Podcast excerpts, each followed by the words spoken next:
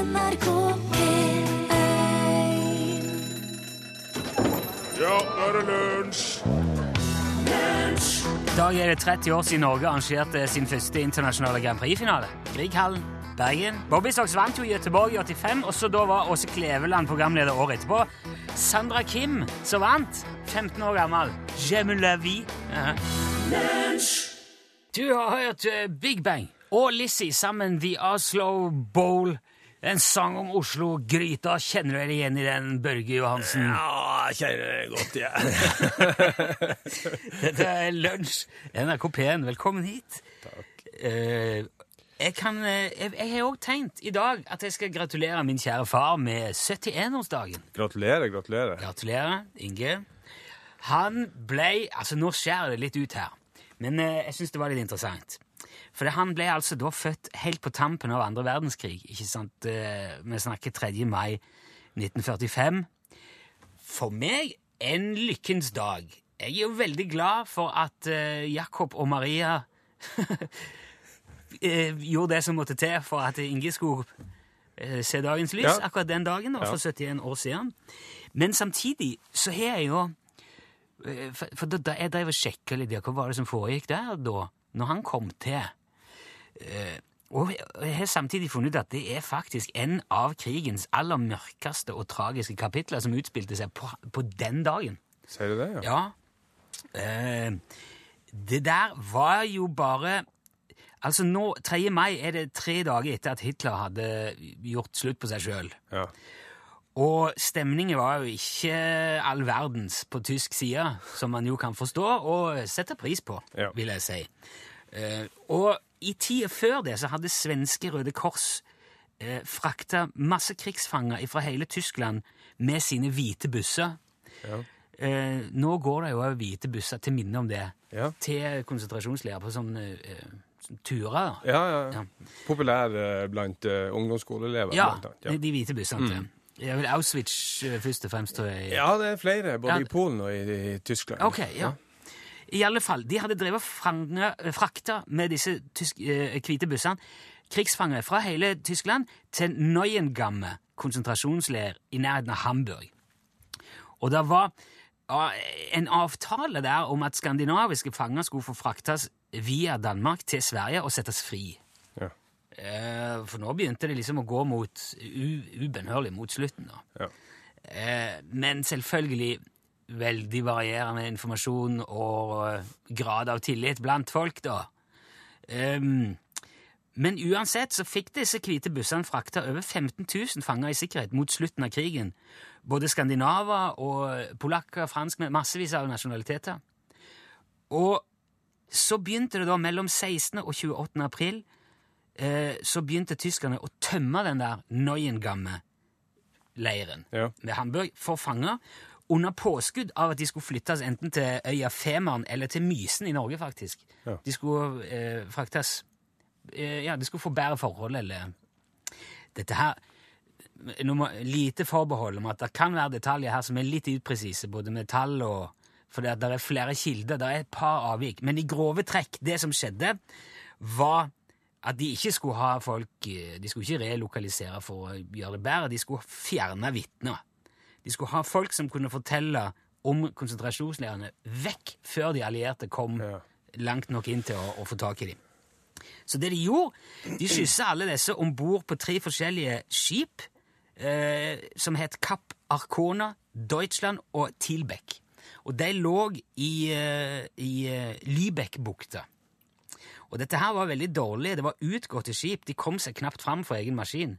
Så det var helt åpenbart at det her er det ingen som skal seile noe sted. De måtte ha en, en fjerde båt til å skysse folk imellom og, og flytte på dem. Og der ble 7500 fanger sperra inne uten mat og vann, flytende rundt i Lübeck-bukta. Og der satt de, da. På denne dag for 71 år siden, den da, samme dag som min far ble født, eh, innelåst. Eh, da britiske styrker nådde fram til Lübeck-bukta. Og der angrep de jo altså Royal Air Force, luftforsvaret, britiske eh, luftforsvaret, Ja, ja. angrep jo en rekke tyske installasjoner og leirer og skip. Selvfølgelig. Og deriblant disse tre som altså hadde 7500 fanger om bord. Og de var altså sperra inne, så du så ikke folk. Nei. De hadde ikke malt noe rødt kors eller merke på at det var fangeskip. Så de antok jo at det var, at det var tyske fraktebåter. Ja. Ehm, svensk og sveitsisk Røde Kors hadde varsla engelskmennene om disse fangene som var i bord i de tre skipene. Den informasjonen kom aldri fram. Dessverre. Så dermed var en av historiens, eh, i hvert fall krigshistoriens, verste katastrofer på havet et faktum. Og de skjøt eh, alle skipene i senk.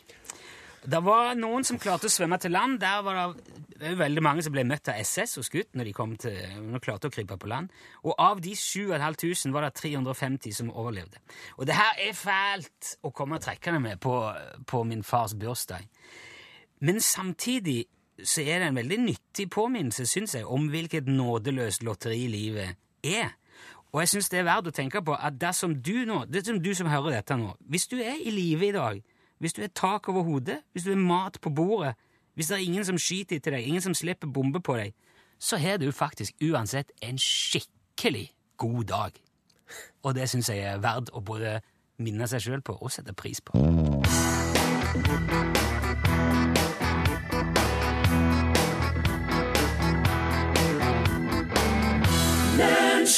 Der var Line Dybedal sine hjerteslag Ja. i den låta. Du, Børge Johansen, Ja, du, Rune. eh, du vet jo det jeg har nå nevnt for deg før, at jeg går med en, jeg har en drøm om å en gang få kjøpt meg en båt. Ja, du har det. Du Ja. har nevnt det. Du har jo båt. Ja, jeg har det. Litt sånn båt for voksne. Ja. Eh, ja, hvor stor er den? Han er Den er 29 fot. 29 fot. Og da er det plass til hele familien å dra på tur. Og, Ja da. Altså, jeg har jo òg på, på sett og vis vokst opp med båt. I en eh, fiskeriby. Ja, langs kysten. Egersund er jo i idylliske Ja, ja. omgivelser ved Nordsjøen. Men vi hadde aldri Altså, det er bare jeg i familien som er vel spesielt båtinteressert. Jaha. Altså, vi hadde aldri båt i, i familie Altså, i Min far har aldri vært veldig på båt. Nei. Eh, så det var, Men bestefar var. Ja. Veldig mye med han ute i hans uh, snekker.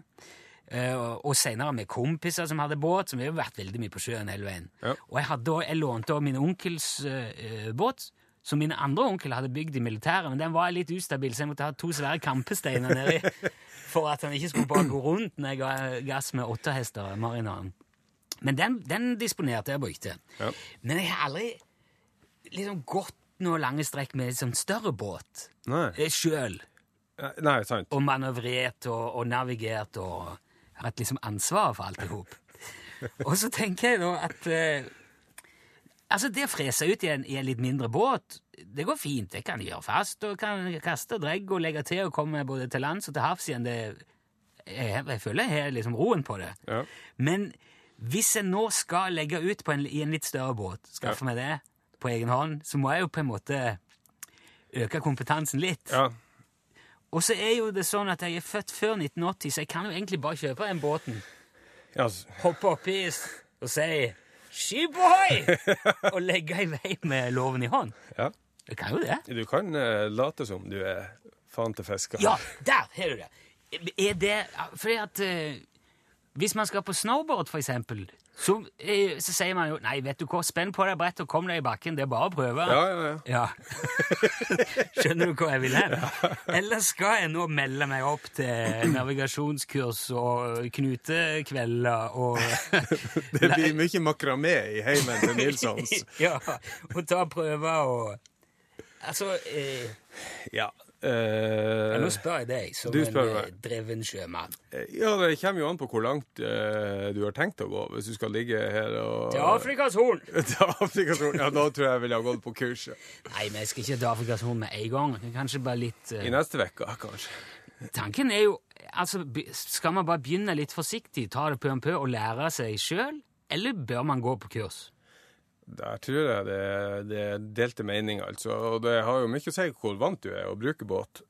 Og hvor fort båten går, ikke minst. fordi at går båten ganske sakte, eller du i alle fall velger å kjøre den sakte, så har du nå eh, litt bedre tid til å både få tenkt og vurdert eh, situasjoner før du havner i dem. Men å komme resende i 45 knop i en eh, ribb, f.eks., uten Ja, er... å ha noe som helst eh, erfaring eller kompetanse, er jo litt eh, Det er litt Det er litt eh, dumt, ja.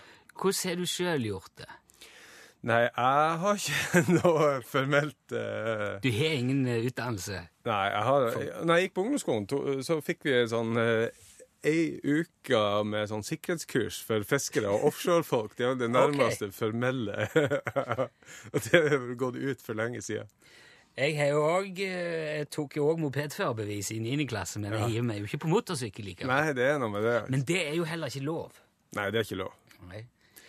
Det er litt rart, egentlig, at, uh, at det er liksom 1980 som er skjellet. Altså, jeg mener, det finnes jo folk som er yngre enn uh, født i 1980, som antagelig har bedre kompetanse enn både meg og deg på å føre båt. Ja, ja, men de får ikke lov. Nei, de får ikke lov. Eh, Nei, det er en veldig liten båt. Det er jo også slik at jeg og du som er født før 1980, kan jo kjøre båt som er opptil 50 fot.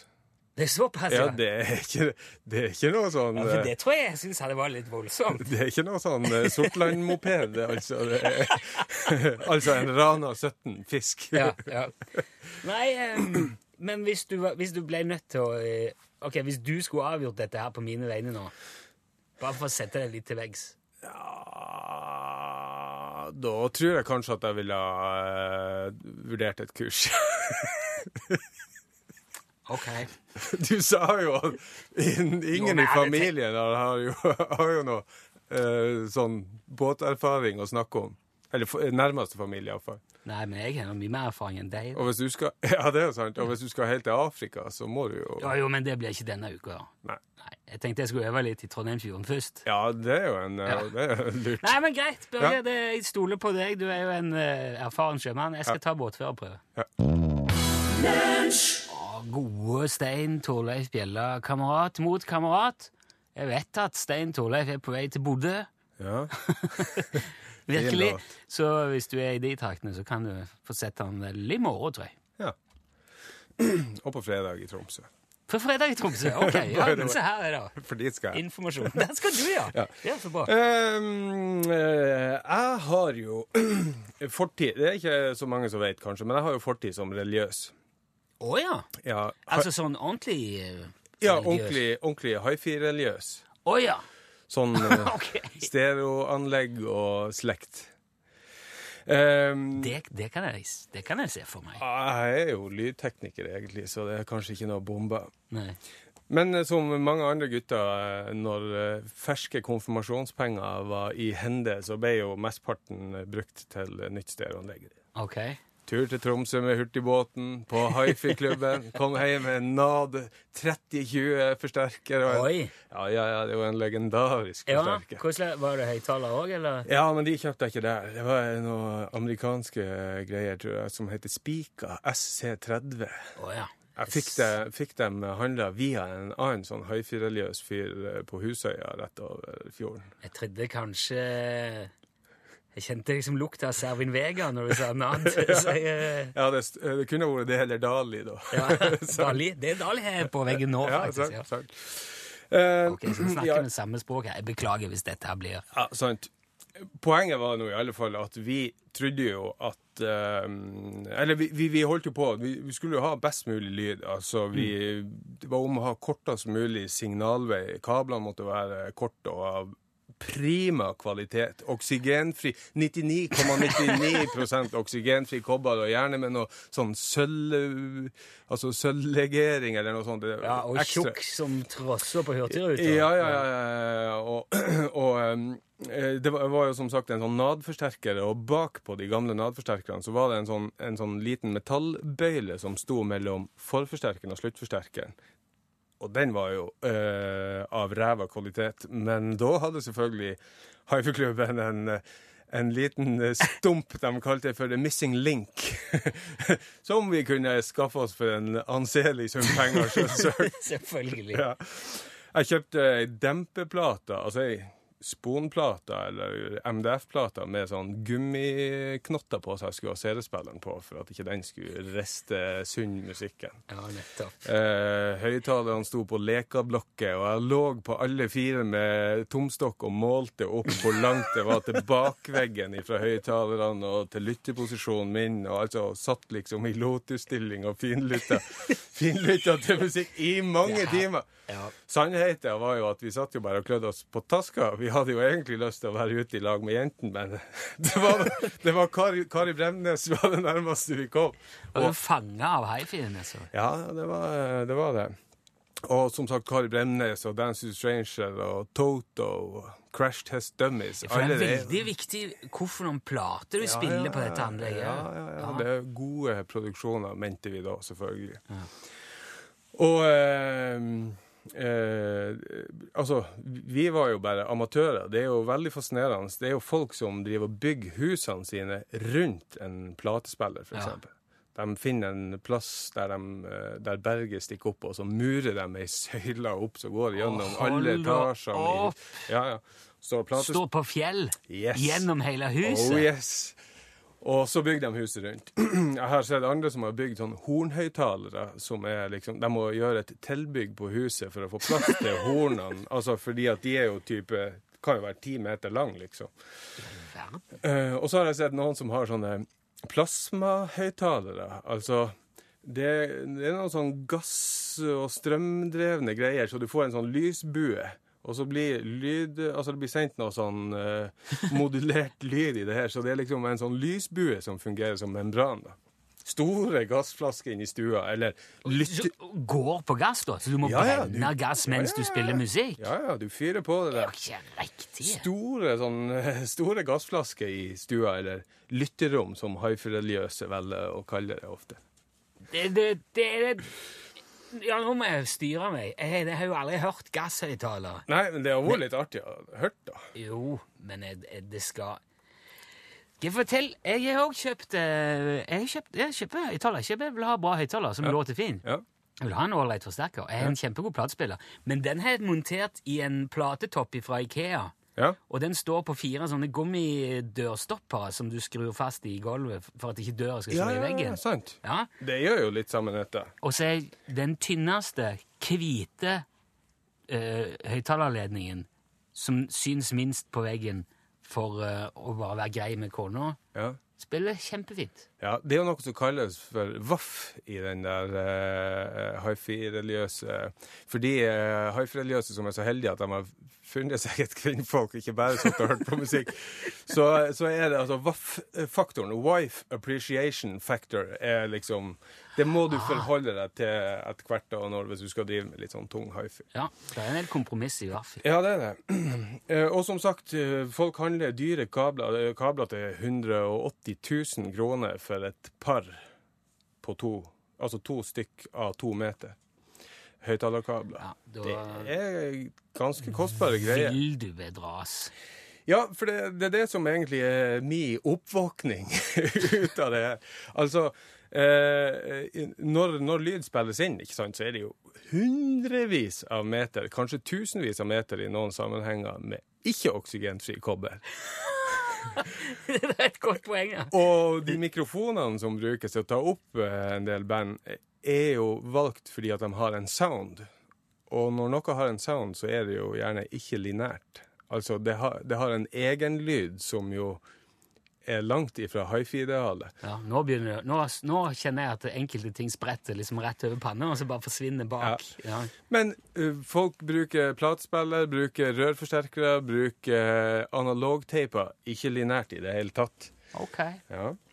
Um, um, Så på et tidspunkt så er det bare ja, kongens, keiserens nye klær, da. Ja, det er noe, det er noe med det. altså. Du kan ikke du, du, du kan kanskje høre forskjell på en del eh, dyre ting, men det er ikke nødvendigvis noe eh, som er bedre eller dårligere enn det andre. Men dette var altså da et uh, kjapt apropos Ikke så kjapt. apropos til låta med Øystein Sunde som vi skal høre nå. Ah. Byens hifi-asyl.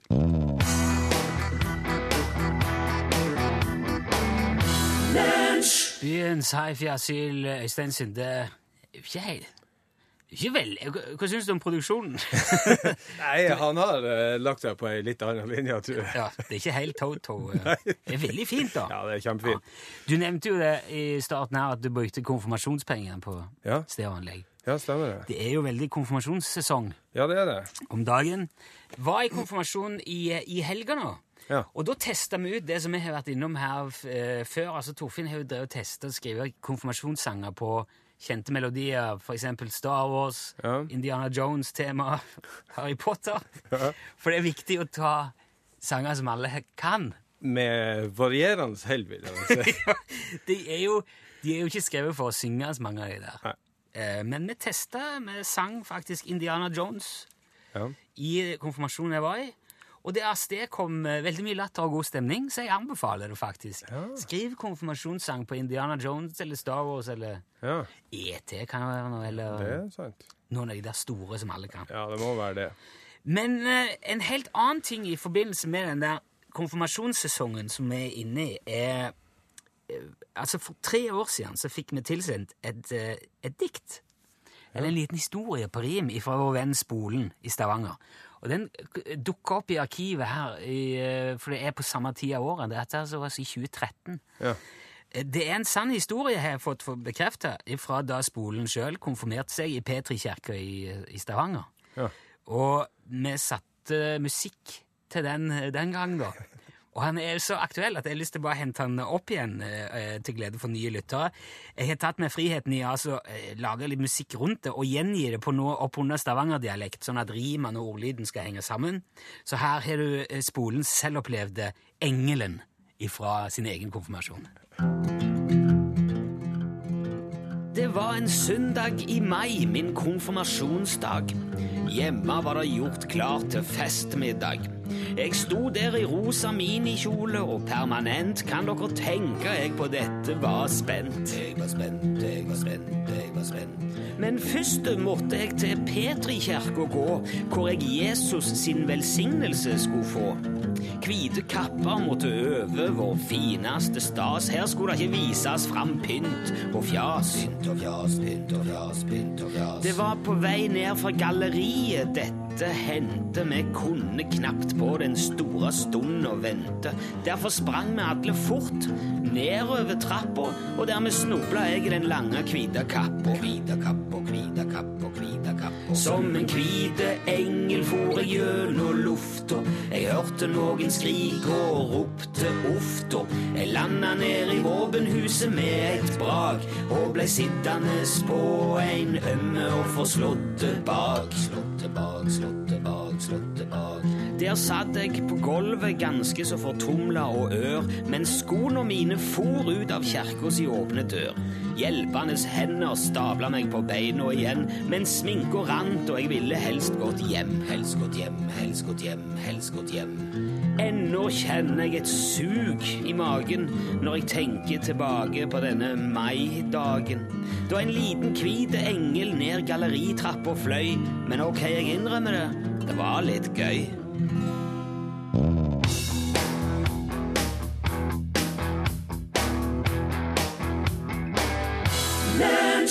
Du hørte The Supremes, You Keep Me uh, Hanging On. Ja. Lunsj, radiogram 73, 88, 14, 80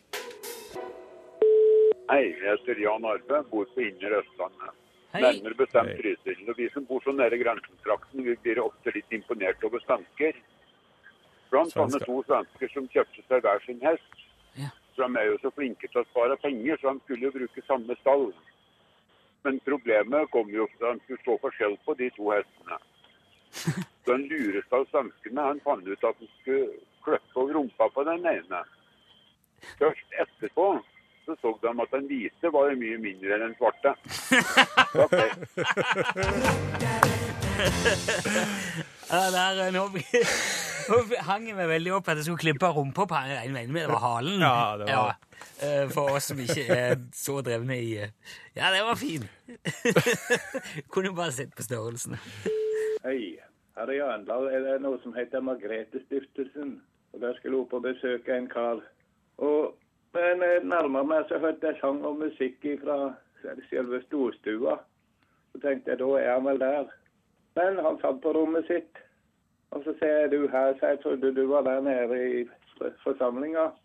Nei, sa han, det er bare for de gamle, det. Han var 88 år. Å, det er herlig. Det der tror jeg mange som kjenner seg igjen i. Ja, men ikke det var det som vi snakket om uh, i går? her, du? eh, det er bare opp til 25, og så Ja, ja. stopper det bare. De der gamlingene får nå bare holde på. Ja, Min eh, bestemor reiste rundt på, på eldresenter i Egersund og underholdt de gamle når hun var langt over 80. Ja, ja de, de blir så glad for det, de gamle, sa hun. Ja. Ja, det er Ole. Jeg tenkte å sette dere på en liten regneoppgave i dag. Så det er dere regner regne ordentlig nå opp dere på lytterne. Det var en buss som kjørte fra Steinkjer til Trondheim. Når den starta fra Steinkjer, den med seg ti passasjerer. På neste stopp det av én og kom på to. På neste stopp det av ingen og kom på tre. Neste stopp igjen, der gikk det av én og kom på ni. Neste stopp gikk det av to og kom på to. Neste stopp gikk av én, kom på to. Og så er vi framme i Trondheim, og spørsmålet er hvor mange ganger stoppa bussen? Irriterende. Hvor mange ganger stoppa bussen? Jeg, jeg, jeg begynte å notere nå. Ja, jeg sa det. Altså én, to, tre, fire Jeg tror det var fem. Ja, det tror jeg faktisk stemmer. Ja. Jeg har jo hørt den. Så jeg tenkte jo jeg tror det, Hvis ikke det er noe lureri som vi ikke har eh, fått med oss, så tror jeg Ja, faktisk ja, jeg ser jo at bussen stoppte, Ja. Og så kom Men eh, og, så, og så henger det opp i Så kom det på to og gikk av to. Ja, det er jo null. Jeg skriver ingenting, tenker jeg. Så jeg har fire punkt. ja men det, Jeg tror jeg stoppa fem ganger. ja, det skulle stemme bra. Ja, nå er det ikke noe eh, fasit her, men eh, bare for eh, å ha sagt det, jeg er ikke noe glad i sånne regneoppgaver. Lunsj, radiogram 73, 88, 14, 80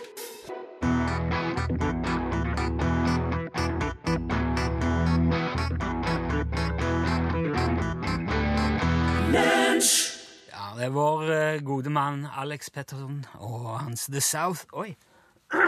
Nydelig, nydelig, nydelig låt. Can't Find My Way Back Home. The South. Um, nå er det Altså, nå på Det er vår. Det er um, sol og fine vær utfor her. Nei, nei, akkurat nå var det litt overskyet, men det Brukbart. Ja. Det er, det er liksom mye som, mye som skjer. Og så er det òg sånn at noen perioder av livet kan være litt sånn tyngre, litt mer stressende enn andre. Tipper vi alle sammen opplever. Og så kan det føles som kanskje alt er på stell, men allikevel så er det noe som butter litt imot. Eh, og for å være helt ærlig, når, man, når jobben er å være i kjempehumør en time hver dag, så blir det fort nødvendig å, å finne ut eh, hvor det butter, da, eller ta noen grep, og, og si at nei, nå, vi, nå skal vi ta, ta Ja, gjør noe her. Ja. Skal, jeg skal ikke brette ut noe analyse av eget sjelsliv her, bare slapp av. Men jeg har funnet ut at uh, for meg så er det nødvendig å rydde unna noen ting som tar for mye plass i hverdagen. Og jeg har tenkt, ja, hva er det som hva er det jeg bytter hen, og hva er det som gjør at jeg blir eh, stadig i litt sånn dårlig humør og, og stressa? Hva er tidstyven? Hva er masekråka? Hva er liksom uroskaperen, forstørrelsen, plagen i hverdagen? Det er Facebook Ja. har jeg funnet ut. ja, jeg bruker altfor mye tid på Facebook, og jeg, og jeg lar meg påvirke altfor mye av det som eh, foregår der. Jeg får inn altfor mye fremmedhat der, jeg får for mye mas, for mye dårlige ordtak. For mye kattunger. Ja, og for mye eh, generelt ting som egentlig ikke er, er noen ting som helst. Og det har jeg funnet ut, det må bort. Men så er det veldig, veldig vanskelig, fordi at man har jo Altså, jeg har familien, jeg har vennene der. Jeg har jo fått gratulert far min eh, med dagen på Facebook før jeg har snakket med han. Ja. Det, der, det er liksom første instans. Jeg har fått beskjed om min sønns fotballkamp i dag der. Jeg har blitt minnet om en invitasjon jeg har fått der. Når Charlie Rackstead er på turné, kommer alle beskjeder via Facebook, Messenger. Så det føles liksom helt nødvendig med den der Facebooken. Ja. Og begynner å tenke at det går ikke an å være uten Facebook. Så jeg frykter jo litt at jeg kommer til å miste kontakten med omverdenen hvis jeg stikker fra Facebook. Igjen. Jeg har gjort det før. Jeg tror det blir å gå bra. Ja, tror jeg. Jeg har trua. Jeg gjorde en liten undersøkelse i dag. Eh, for, for nå, altså, som sagt, jeg har jo fått både beskjed om, om guttungens fotballkamp. Eh, ja, fars eh, bursdag, det visste jeg. Men så ser jeg jo hva annet er det som har kommet inn der i dag. Jo, det er Lester, eh, det er Obama, Ja. Prince, en, en del feil videoer, som feil eh, Ja. folk som slår seg. Det er en laybag, en sånn stol som du kan ligge i, Ja. blåse opp. Ja. Et ABBA-show. Hans familie bor i en gammel, forlatt låve. Når han åpner dørene, fantastisk. ja. Det er altså 90 Åh, sånn klikkhoreri. Ja. drit. Ja. Det aller, aller meste som kommer via Facebook, er støy og sludder. Og når man har en følelse av at det er for mye støy og sludder i hverdagen, så er det jo åpenbart hva man må gjøre for å redusere det. Så i dag skal jeg slette Facebook-profilen min. ja. I'm leaving on a jet plane. Don't know when I'll be back again. Og jeg vet at jeg kommer til å få abstinenser. Jeg kommer til å gå glipp av masse. Ukas tilbud fra byggmaker. Samling med bilder av mødre i trange kjoler. Kommer jeg til å gå glipp av. Ja. Hunder som vil ut. det ferskeste våset fra Donald Trump. Og flere beskyldninger om landssvik og godhetstyranni. Muligheten til å finne et åttetall blant 103-tall. ja. For eksempel. Hva skal jeg gjøre uten det? Men jeg har funnet ut at når abstinensene kommer, så skal jeg prøve å starte en samtale med noen. Kona eller ungene. Det er eller kontroversielt. Det jeg vet det er, jeg har allerede blitt kalt hipster for dette jeg har sagt. Så til dere nå som har sendt meldinger og ting som jeg ikke har svart på, sorry, det kom ikke svar. Jeg signer av nå. Jeg har e-post. Lunsj er e-post. Du når altså hvis det er noe. Jeg er, jeg er her. Jeg- Du kommer bare ikke til å se hva jeg spiser og hvor jeg er til hver tid. Så eh, takk for nå. Vi ses i virkeligheten.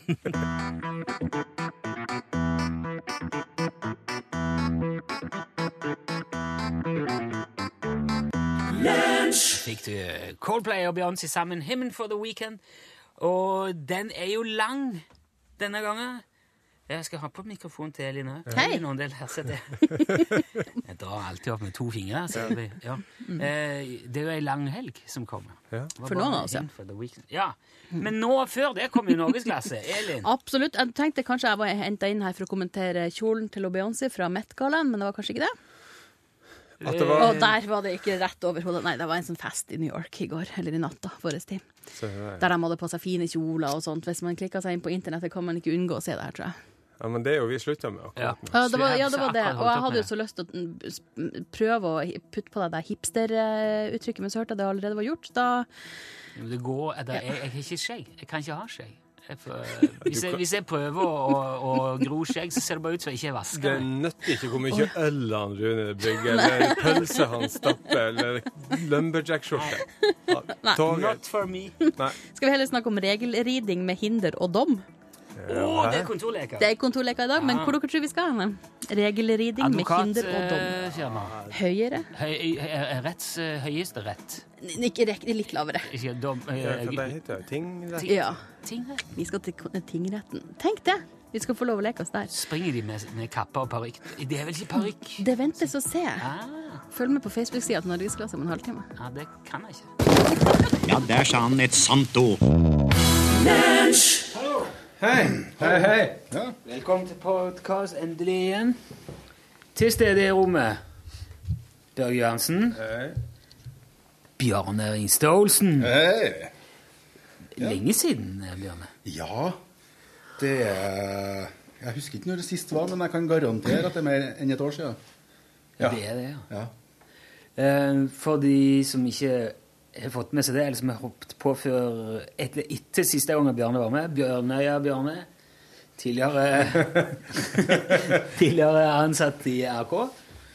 Så dro først til Bjørnøya og ble TV-stjerne, og deretter ut i verden for å realisere seg sjøl. Ja. Var det jo... ja, det var fint oppsummert. Til Kabelvåg. Til Kabelvåg, ja. Vakre Kabelvåg. Vakre Kabelvåg. Du, du, du slutta her og flytta fra Trondheim til Kabelvåg. Ja, jeg gjorde det.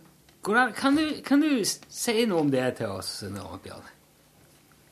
Ja Det var jo På en måte som du selv er komfortabel med, selvfølgelig. Ja. Nei, jeg ble nå Jeg er ikke noen bygutt, jeg, vet du. Jeg er en enkel landsens gutt fra havet. Så etter Bjørnøya så ble jeg jo Der hadde jeg jo hav. Ja. Og tenkte nei, jeg kan ikke bo Jeg kan ikke bo sånn. Så det første jeg hadde tenkt, var jo å flytte utom byen. Men så dukka det opp eh, jobbmulighet eh, i Kabelvåg, da. Og så tenkte jeg der er det nå i hvert fall mye sjø. så da får jeg dit. er du vært der, Børge? Ja, ja, det er dritfint det. Det er virkelig vakkert. Ja, ok. Jeg har aldri vært i Kabelvåg. Jeg har bare hørt mye om det. Er det der er så mye blå hus? Ja Nei, det er Sortland Det er så- eh, mest blåhus. Det er nå rett oppi veien, det òg, da. for Ja, det er jo, Mm. men eh, det virker som at det blir litt populært med blåfarge. Grong er jo òg blitt helt eh, blått nå. Men nå, er ikke det en plass uh, nordpå hvor alle husene er malt blå, som er sånn nesten demonstrativt? Jo, men det tror jeg er Sortland. Å ja. Ja, det er altså i hvert fall deler av Sortland. Ja, og havna. Ja, havna. Husene. Der er det Ja. mye, mye blått, ja. Men hva, hva er det Kabelvåg er kjent for? Hva, hvorfor er jeg liksom Det er jo en sånn liten uh, kunstner... k- skvett eh, rett eh, sør for Svolvær. Det Det er er jo noe som er Er det, har det vært en sånn Kabelvåg-saken, eller Kabelvåg-hendelsen, eller Eh, Det er noe med Kabelvåg. Ja, det er garantert. Det er definitivt noe med Kabelvåg. Ja, men- det er ja, men bare Ja. Nei, altså Noe sånn kunstskole. Ja. Det var der du jobba. Der jobber jeg, ja. Nei, og så har du noe Det er noe aktivitet når det er fiske og Nei, Så bodde nå kong Øystein der, da. Gjorde han det? Ja da.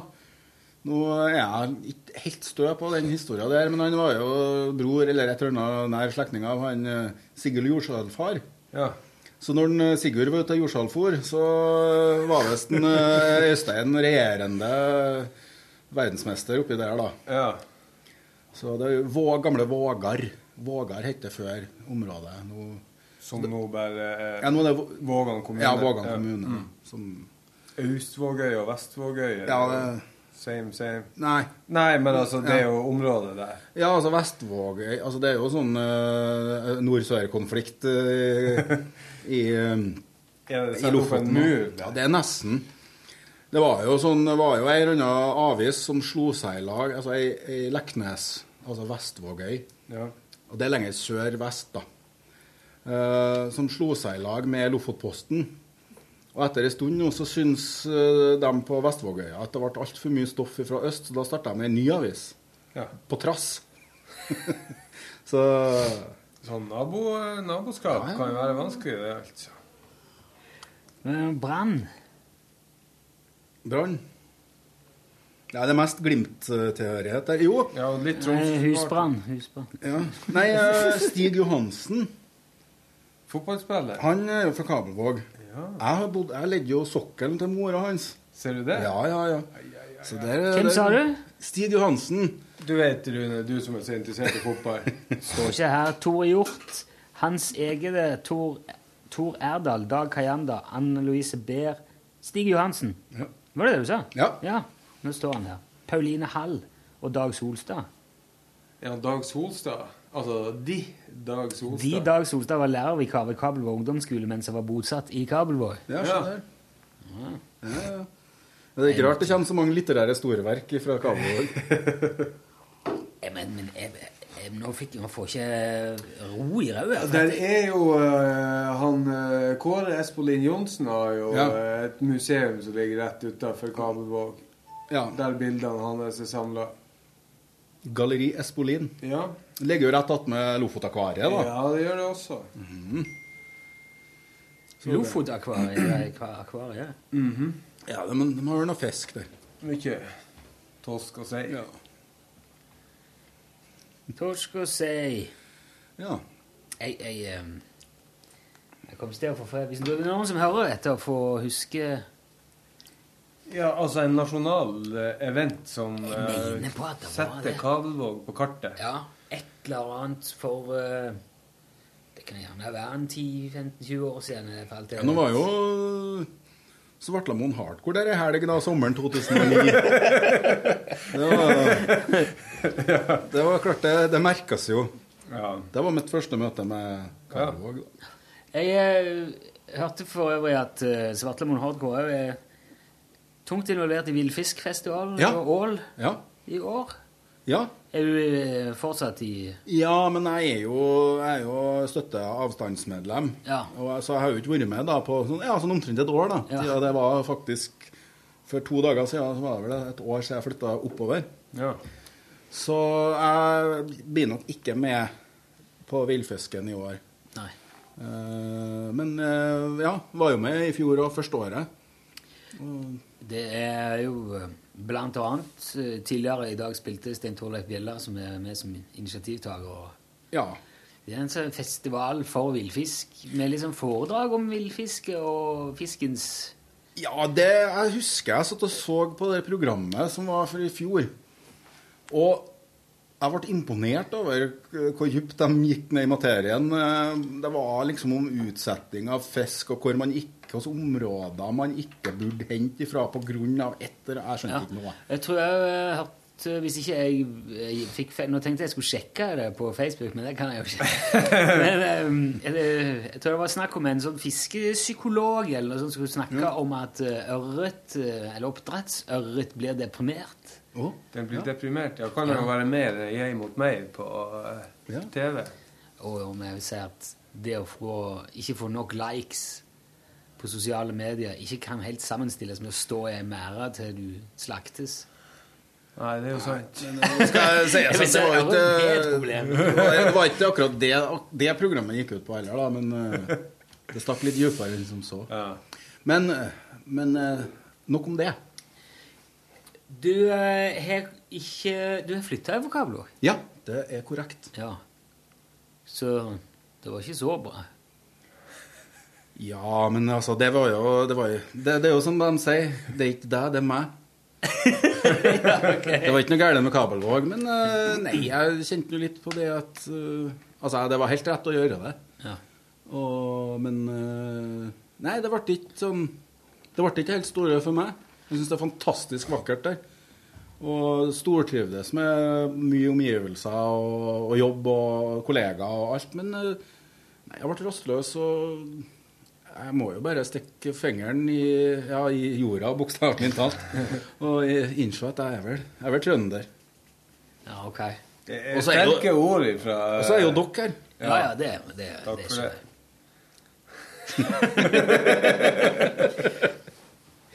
Så jeg tror liksom ikke Jeg kan ikke helt se for meg at det var i Jeg tenker så mye på Runan Børge.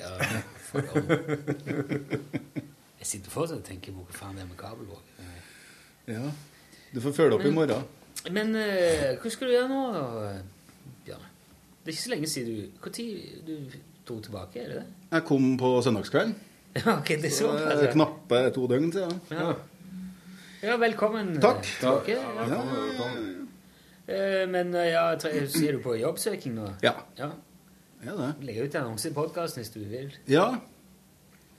Nei. Hvis du trenger en Bjarne, så får du Ja. beskjed. Ja. Rett og slett.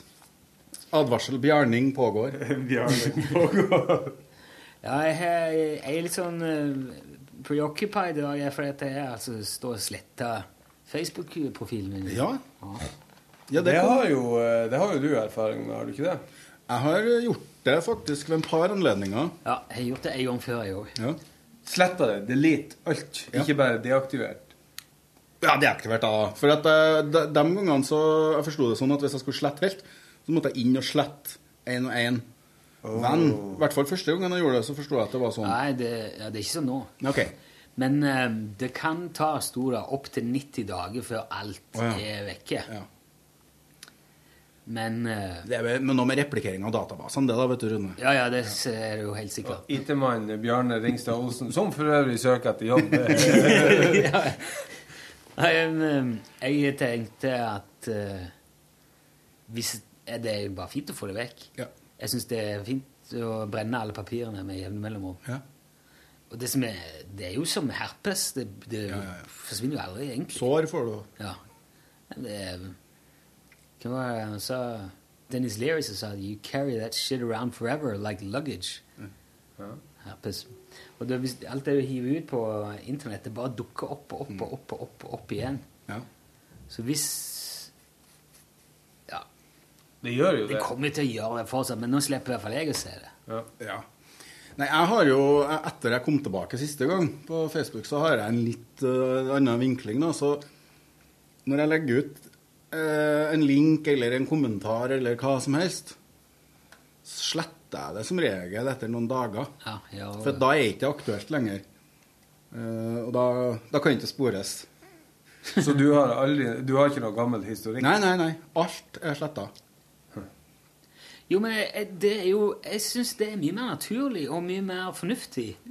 Du kan ikke gå rundt Det, det, er, jo som, det, er, jo, det er jo psykopaten, det, som går rundt og husker alt og Ja. graver fram gammel drit Ja. igjen. Det, sånn vi lever, sånn som vi forholder oss til hverandre. er Sånn, slaver og forteller ting, og så skilles vi, og så møtes vi igjen. Så husker vi noe av det, men ikke alt. Nei. Når alt bare ligger der og gjærer. Det er ikke naturlig. Det er ikke rett. Det er ikke Nei, men det er sant, det er jo sånn som når jeg kommenterer med en, en viss mengde sarkasme, f.eks. når en eller annen fotballspiller driter seg ut i media. Det, ja, det, det er ikke uten grunn at jeg tar det som et eksempel. da. Så det er klart, det husker man. Men, men altså, som, som sak for min øh, utøvelse av spydighet, så er jo dere gammelt etter to dager. Ja, ja. Og da tenker jeg ja, ja. Humor er jo ferskvare. Ja, det er det. Og hiv skiten og finn på noe nytt. Jeg var veldig imot podkast òg i starten. For eh, det er litt sånn samme greia. Ja. Jeg synes at eh, Eller det som alltid har tiltalt meg veldig med radio, er at eh, det er der og da. Mm. Hvis du ikke hørte det, så gikk du liksom glipp av det. Det fins jo på nettspilleren, og det repliseres jo Ja, nå i- gjør det det. Ja. I gamle dager gjorde det jo ikke det. Nei. Når jeg begynte med radio, så var det Sendt til sendt. Ja, sendt til glemt. Ja. Det er en ny eksamen hver dag. Vi hadde jo logg, på en måte, så det går an å finne det, men da må du liksom inn i byråkratiet. Ja. Du må inn i de indre liksom, gemakker. Det syns jeg var Det er noe fint med det. Og så, så er det òg Det er noe fint med at du kan hente det fram igjen òg. Selvfølgelig. Ja, ja, ja. Man er liksom så travelt at Å, fucka, jeg gikk glipp av det. Ja vel, så her, bare klikk her, da. Så kan du høre det igjen. Men samtidig så forsvinner det liksom noe av den der uh, magien som Ja. når, når du får noen til å gjenfortelle jeg hørte noe som var så artig, og hvis de da i tillegg kanskje mot formodning er flinke historiefortellere, så får du liksom et lag til, da. Ja, ja, ja, helt klart. Ja, pluss at uh, hvis du kan se alt uh, på nytt igjen, eller etterpå en annen gang når det passer, så har du jo plutselig tid til alt. Mens det, og dermed så blir det travelt, liksom. Mens øh, når det Hvis du må være der for å få det med deg, så kan du bare si jeg rakk det ikke'. Ja. Ja, ikke sant? Men ellers blir det Nei, jeg har ikke sett det der. Faen, det må jeg få sitte. Får du dårlig samvittighet Ja, ja, ja. det? Du har jo ingen unnskyldning for ikke å ha fått med deg noe lenger. Nei. Men så gå og sjekk det, da. Nei, jeg gidder ikke. Nei. Ja, det er enda mer press. Ja. Ja. Jo, men altså, vi snakket jo vi snakket om det der uh, jeg mot meg-greiene. Der var det noen som var så knust fordi det var for lite likes, da. Ja. Og ja, Jo, jo, men eh, og jeg sier ikke at det er det som er serien. Men det var nå et spesielt ett tilfelle, var ikke det? Jo da, det var det. Oh, ja. Ja, altså eh, Jeg så jo på første episoden av det der, for det er jo klart at det, det er jo alvorlig for mange og seriøse greier. Og så så jeg eh, debatten på NRK1. Noen av de her eh, deltakerne i det her Jeg mot meg var det. Og mitt inntrykk etter da var at med unntak av én som jo faktisk hadde mista bror sin i selvmord, så var det mye Facebook-likes de sutra over. Ja. Og det kjenner jeg at jeg ikke blir fryktelig imponert over. Jeg så jo den serien på to dager. Ja. Jeg har ikke det inntrykket i det hele tatt, altså. Nei. Eh, Men så du den debatten? nei, det så jeg Ja. ikke, så der kan ikke jeg Det var ikke bare jeg mot meg, det var også det her eh, sykt perfekt og Ja, Er ikke det litt mer der den ligger, den der eh, likes-debatten? da? Jeg syns det stakk Asle dypere i Jeg mot meg. Nå har ikke jeg sett Sykt perfekt, Nei. men uh, Og så var det, var ett program til som «Sykt perfekt», er det det Ida Fladen sitter? det? Nei, det er Prosjektperfekt. Ja. Prosjekt perfekt. Ja. Ja. Nei, men det er tilsvarende program da på TV 2, Ja. forstår jeg. ok. Men det var ett til. Men eh, nei, som sagt øh, Det er basert på å bare ha sett første episoden og sett den der debatten. Jeg Ja. syns det var litt, eh, Ja, ja. litt tynt. Ja. Men øh, jeg blir jo glad hvis jeg har Ja. vurdert det feil. Nei, men jeg, jeg tenker at det er jo uh, tragiske greier, for så vidt, hvis det skal bli sånn at du ikke kan fungere fordi at du ikke har nok likes, nærmest. Men samtidig så er det eh, Jeg tror langt på vei så er eh, skal jeg si, summen av bekymringer nesten eh, eh, konstant. Ja. Altså, Hvis du ikke har problemer, så lager du de. Jo, jo. For at du må jo ha et eller annet du brenner deg på, et eller annet som du kan mestre og få mestringsfølelse Mm. av og lære og utvikle av. Og, og hvis da liksom alt er pakka rundt, så vil jo problemene stå i stil. Ok, det er ikke nok likes, så det er det Ja, For, Ja, alvorlighetsgraden tror jeg òg er, er sånn, sånn relativ. Altså, du jo, har men den er jo subjektiv. Du, du, hvordan Ja. du opplever det. Ja, men det er akkurat det at du har en, en viss mengde saker som du har kategorisert som veldig alvorlig, og en viss mengde saker som er sånn passe alvorlig, og en viss mengde saker som du ikke syns er alvorlig i det hele tatt. Og hvis de mest alvorlige sakene dine er at du ikke liker Altså at du ikke får Facebook-likes, så, så Ja, da er det jo Ja, det blir jo like- happy days. Men den, i den kategorien kan du like gjerne være selvmord i familien.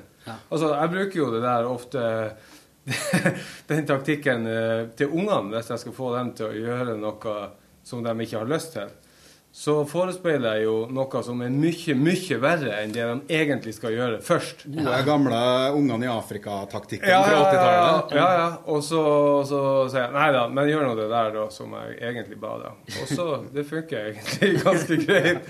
Altså male fanden på veggen, det er vel det det kalles. Men du har jo den der, Det var jo noe som dukka opp her for noen år siden på det her internettet som jeg hørte så mye snakk om.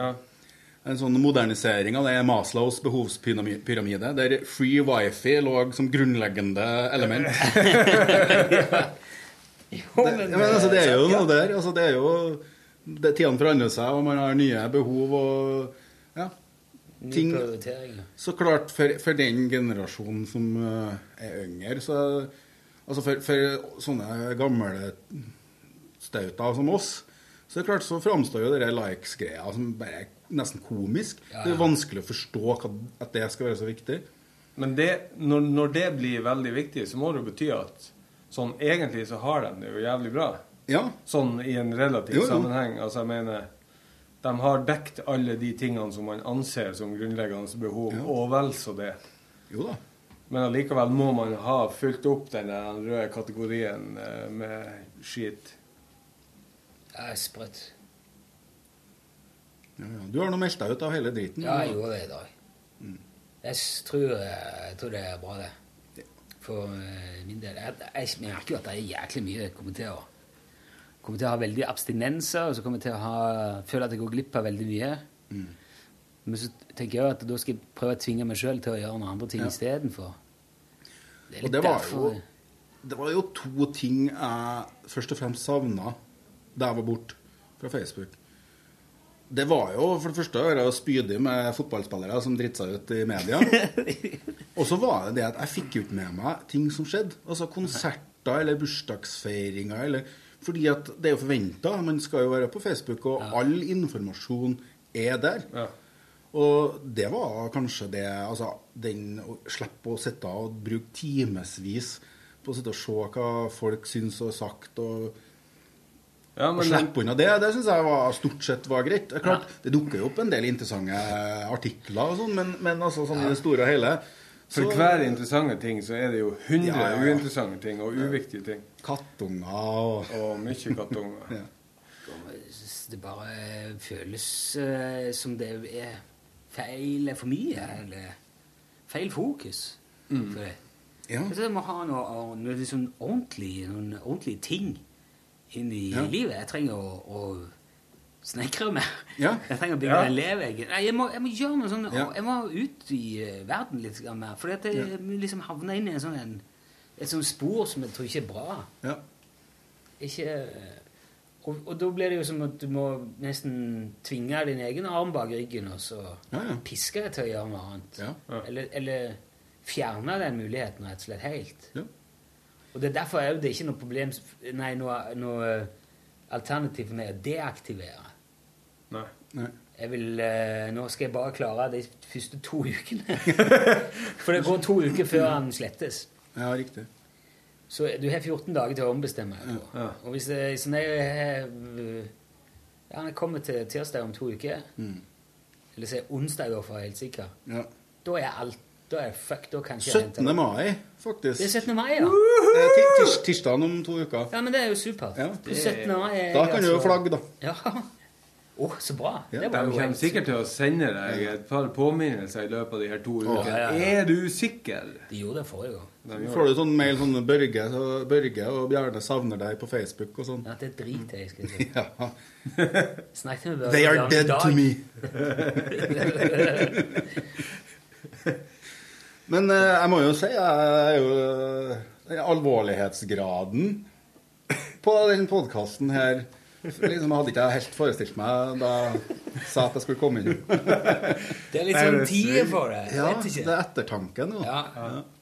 Nei, det er sånn at Jeg jeg er inne i sånn der oppgjørsperiode. Må ta en grep. Ja. ja. Ja, det, det er rart med det. Du går i sånn spor. Kan du ta noen grep eh, på gitaren? Ja, ja, kan du noe? En sur D, for eksempel. Den var faktisk ganske fint. Ja. Ja, Da har du tatt et grep. Da har du tatt et grep. Ja. Jeg er jo mest på G, da. Rune er på G. Ja, Han er på G. Men du, eh, siden det ikke skjer så ofte i lunsjuniverset, så tenkte jeg at eh, du, Bjarne, du er jo Tottenham-supporter. Nei, det vil ikke jeg snakke om. Det var jo en fotballkamp i går. Jeg vil ikke snakke om det. Her er det noe med Leikirkister å gjøre. Ja. Ja, delvis. Hvorfor det, de sier Leicester, men det skrives jo Leicester? Ja. Det er jo litt sånn som den der sausen. Worcestershire Hvem er det som kan å uttale det? Worcestersaus, det sier vi Ikke Ja. det? ja, det er jo worcestersaus eller et eller annet. Så Men eh, for um, For meg, meg som ikke er noe som helst verken overraska eller Ja. Jeg, for, for meg er det bare som å høre at uh, et lag vant noe. Ja, Og det, det, det er jo for så vidt riktig, det. Ja. Og jeg har ikke tenkt mer på Å ja, ok, så de ble glad. De, Ja, ja, ja. ja. men folk blir jo alltid glad når de vinner. Men så hørte jeg et eller annet på radioen. Uh, jo, i morges hadde en trener som hadde sagt eh, at det kom i hvert fall ikke til å skje at de vant. Det tror jeg han hadde spurt om tidlig i sesongen. Treneren til Leicester sa at nei, det skulle de i hvert fall ikke gjøre. De skulle prøve å holde posisjonen. Eller prøve å holde, unngå nedrykk, eller et eller annet sånt. Ja, og de Så var... de hadde 5000 i odds hvis de på å vinne. men, de, ja, men altså, det var jo til jul i fjorårssesongen så lå de på sisteplass i Premier League. Wow.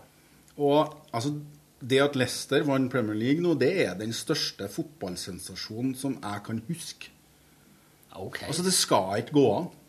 Og- Det er større enn at Norge slo Brasil. Ja, det er mye større, fordi at, sant, du har jo typisk ikke sant, i England de siste årene, så har du jo de eh, store klubbene med altså dem, de, Les dem som har mye penger.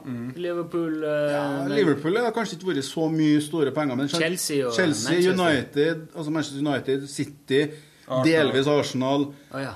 Det har liksom vært de firene i lag med det, kanskje Liverpool, og så har jo og Tottenham vært og lukta litt oppe i toppen. Altså topp fem, fire. Eh, men det liksom det, det, det har vært sånn så det at Leicester nå vinner Altså Hvis jeg ser bort ifra at jeg er litt uh, nedfor akkurat i dag, så er jo det helt fantastisk for fotballen. Det beviser jo at penger, sjøl om det er selvfølgelig det er jo ikke snakk om småmynt i Leicester. heller. Det er jo ikke en eh, sånn eh, du, dugnadsdreven klubb, det heller. Nei, det er ikke eh, Det er ikke Bottengård uh, spenn og spark. men, men, altså, men også i Premier League, eller også i, i de, altså de europeiske storligaene, så er jo Leicester et bitte lite lag med et bitte lite lønnsbudsjett.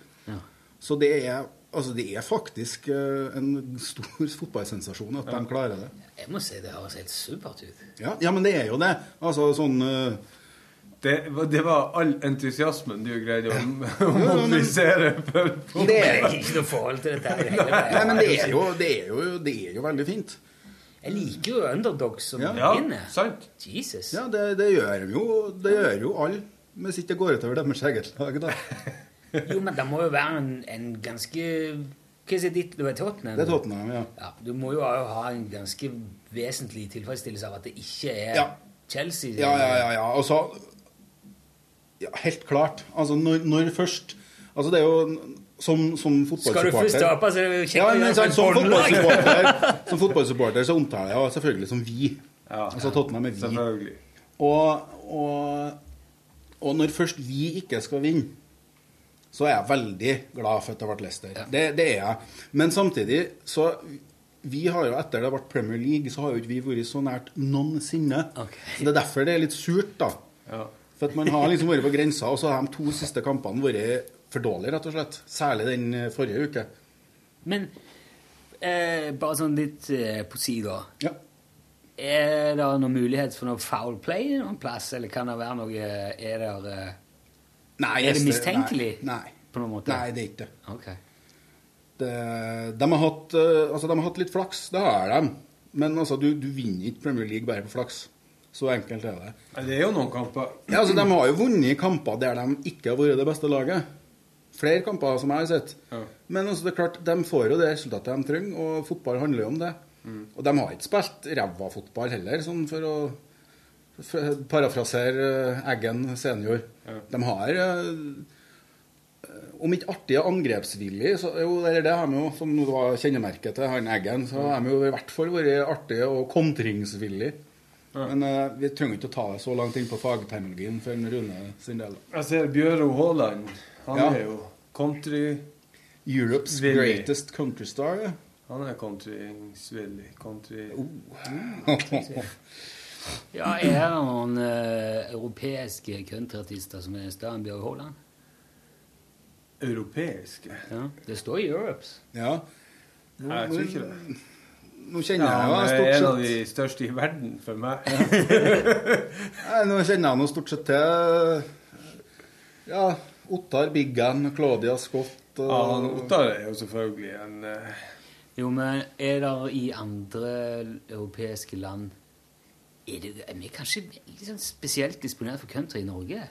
Eller eh, spesielt glad? Jeg vet ikke. Er det noe det var svensk kalender? Det er- det er dansband. Ja, det er dansband som jo vel har et innslag av det. Men jeg tror jo at det handler om uh, den utvandringa til USA. Altså, jeg mener, Nordmenn og irrer var jo de i Europa det for flest uh, av til USA. Så det er klart, countrymusikken der borte er jo påvirka av norsk folkemusikk og irsk folkemusikk. Jeg har jo hørt at det er like mange norsk-ætta i USA som det er igjen i Norge. Mm. Vi er Ja, omtrent, sikkert eh, Hvis alle hadde blitt, eller hvis det hadde foregått Ja. på samme nivå, så hadde vi vært ti her. Ja. Det er jo kanskje å dra det litt langt. Jeg vet ikke hvordan der dynamikken hadde fungert. Men De er- lever jo Altså, deres Norge har et inntrykk er litt sånn kanskje 100 år gammelt. Ja, og mye norskere enn Norge. Ja, å, ja. På mange, på mange Ja, nivåer. I Norge, det, det Norge de eh, har i eh, minne, eller eh, det fortelles eventyr om, der finnes det ikke noe Facebook og Internett, for å si det sånn. It, it's, it's like if uh, Lutefisk and, uh, and Gamelost had a baby, and I ate that baby's diaper. Var det noen som sa om en eller annen sånn, rak, sånn uh, grav, uh, rakfisk eller noe sånt?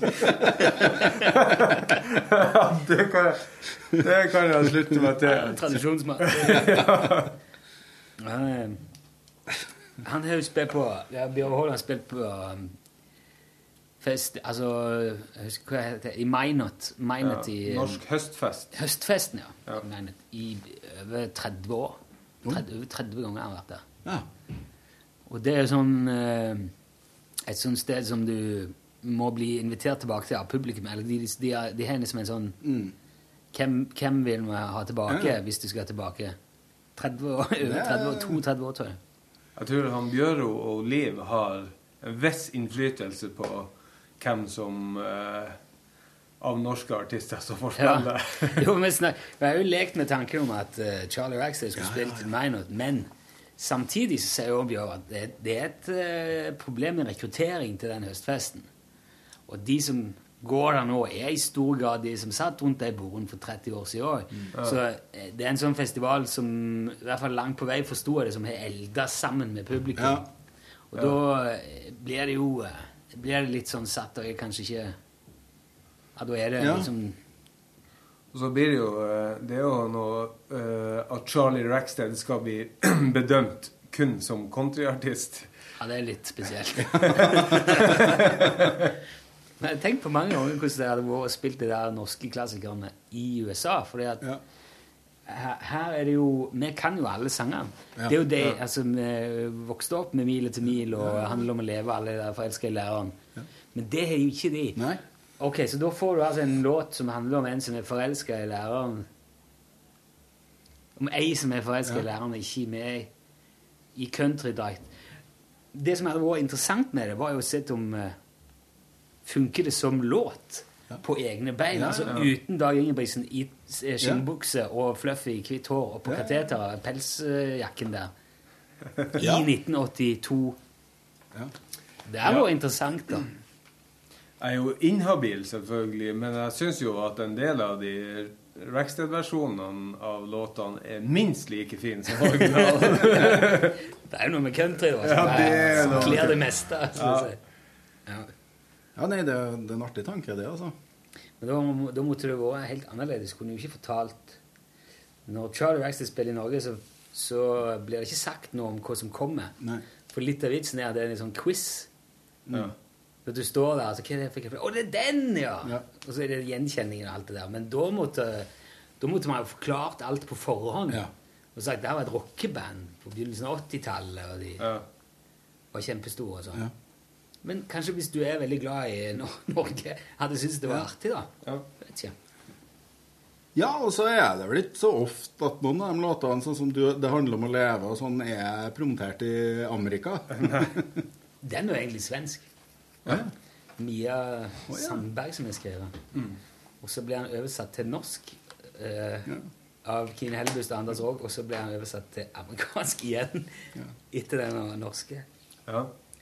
Og eh, Charlie Wax har jo spilt eh, Langt hår av Stein Engelbrechtsen. Oi. Som egentlig heter Long Gone, og ble gitt ut av Engelbert Humperdinck.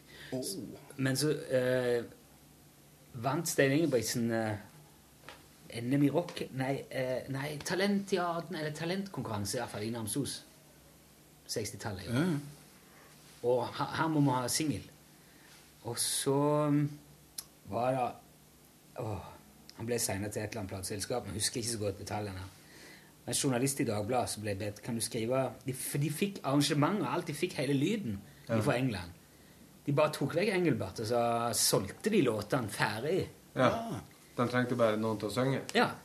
Og det var jo butikk, det. Ja. For jeg har gitt ut Long Gone. Kanskje det er noen i Norge som vil finne på noe med den her. Så Mm. solgte de bare liksom hele pakken. Yes. Og da fikk han Å, jeg kommer på navnet etter hvert. Journalist i Dagbladet fikk spørsmål kan du skrive en eh, tekst til denne her innen i morgen, sånn type nå. For vi må ha ut singel fort. Ja. Da skrev han 'langt hår'. Han hadde langt hår. Latt det gå i to år. Smekk, bom, poff, ut singel. Nummer én. Så nå har vi jo oversatt den igjen. Og det er jo veldig artig da, å ta det den veien. Long toe. Men når man er på Stein Ingebrigtsen, da, så vil jeg jo utfordre eh, Charlie til å bryne seg på den soldatens kortstokk. Men den er jo òg amerikansk i utgangspunktet. Den er det, ja. ja. hadde mistanke. Kenny Rogers, for faen. Det er Kenny? Det mener jeg på. Ja. Skal du google den igjen? Jeg må jo bare sjekke det. nå. Ja, ja. Eh, det, jeg, jeg skal ikke eh, Skal vi se Soldatens Ja, for den, han var veldig på oversetting. eh, Ja.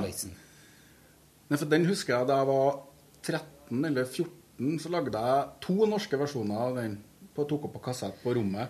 The Deck of Cards Ja. Og heter var egentlig. Ble gitt ut av T. Texas Tyler. Det er riktig. Men det er faktisk basert på et utdrag av et stykke britisk 1800-tallslitteratur. The Soldier's Almanac, Bible and Prayer Book. Yes. Så det der er Det, det stikker djupt. Jeg laga hva det var, soldatens Gameboy og soldatens tobakkspung. Med Ralla? Nei, nei, nei, bare sånn Det var samme historien, bare at jeg gjorde om den litt, da. Så, så, så betyr, var jo de forskjellige I Pac-Man så var Ja. jo de forskjellige betydde forskjellige de prekkene og de monstrene og sånn. Hadde forskjellig betydning, da, som i Soldatens kortstokk. Mm, Følte jeg var kjempesmart. Nei, det, var, det, det var ikke Kenny Rogers. Han er visstnok ikke gjort det. Kenny Rogers lagde Ru, den Ruby, som holdt en stil. eh, Ah? Ja, ja. ja. Ruby, don't take your love down. Og så er det jo The Gambler. Det er vel derfor jeg tenker på han. Ja, ja. Nei, og Tex Ritter som ga han ut i 48, det er jo Phil Harris òg. Ja. Doug Duggar. Wink Martindale. Gerard de Vries på nederlandsk. Hitspilkarten. Hitspilkarten. Max Bygraves i 73. Bill Anderson gjorde en versjon på begynnelsen av 90-tallet som var populær under Golfkrigen. Prince Far har laget en dubreg-versjon til sitt album Jamaican Hero i 1980. Ja, man. Deck of Life. I don't like reggae. I love it. I love it. Wink Martindale. Prince Far. Det. Ja, ja, ja. Nei, men da eh, Jo eh, Faen, klokka er blitt masse. Så, eh, jeg tror Ja. det det er god tilstand. Ja. Hyggelig at du var med. Ja, det var god, god kuk og basta, det. Det er den siste hilsen. Ja, ja, ja. Hei. Hør flere podkaster på nrk.no podkast.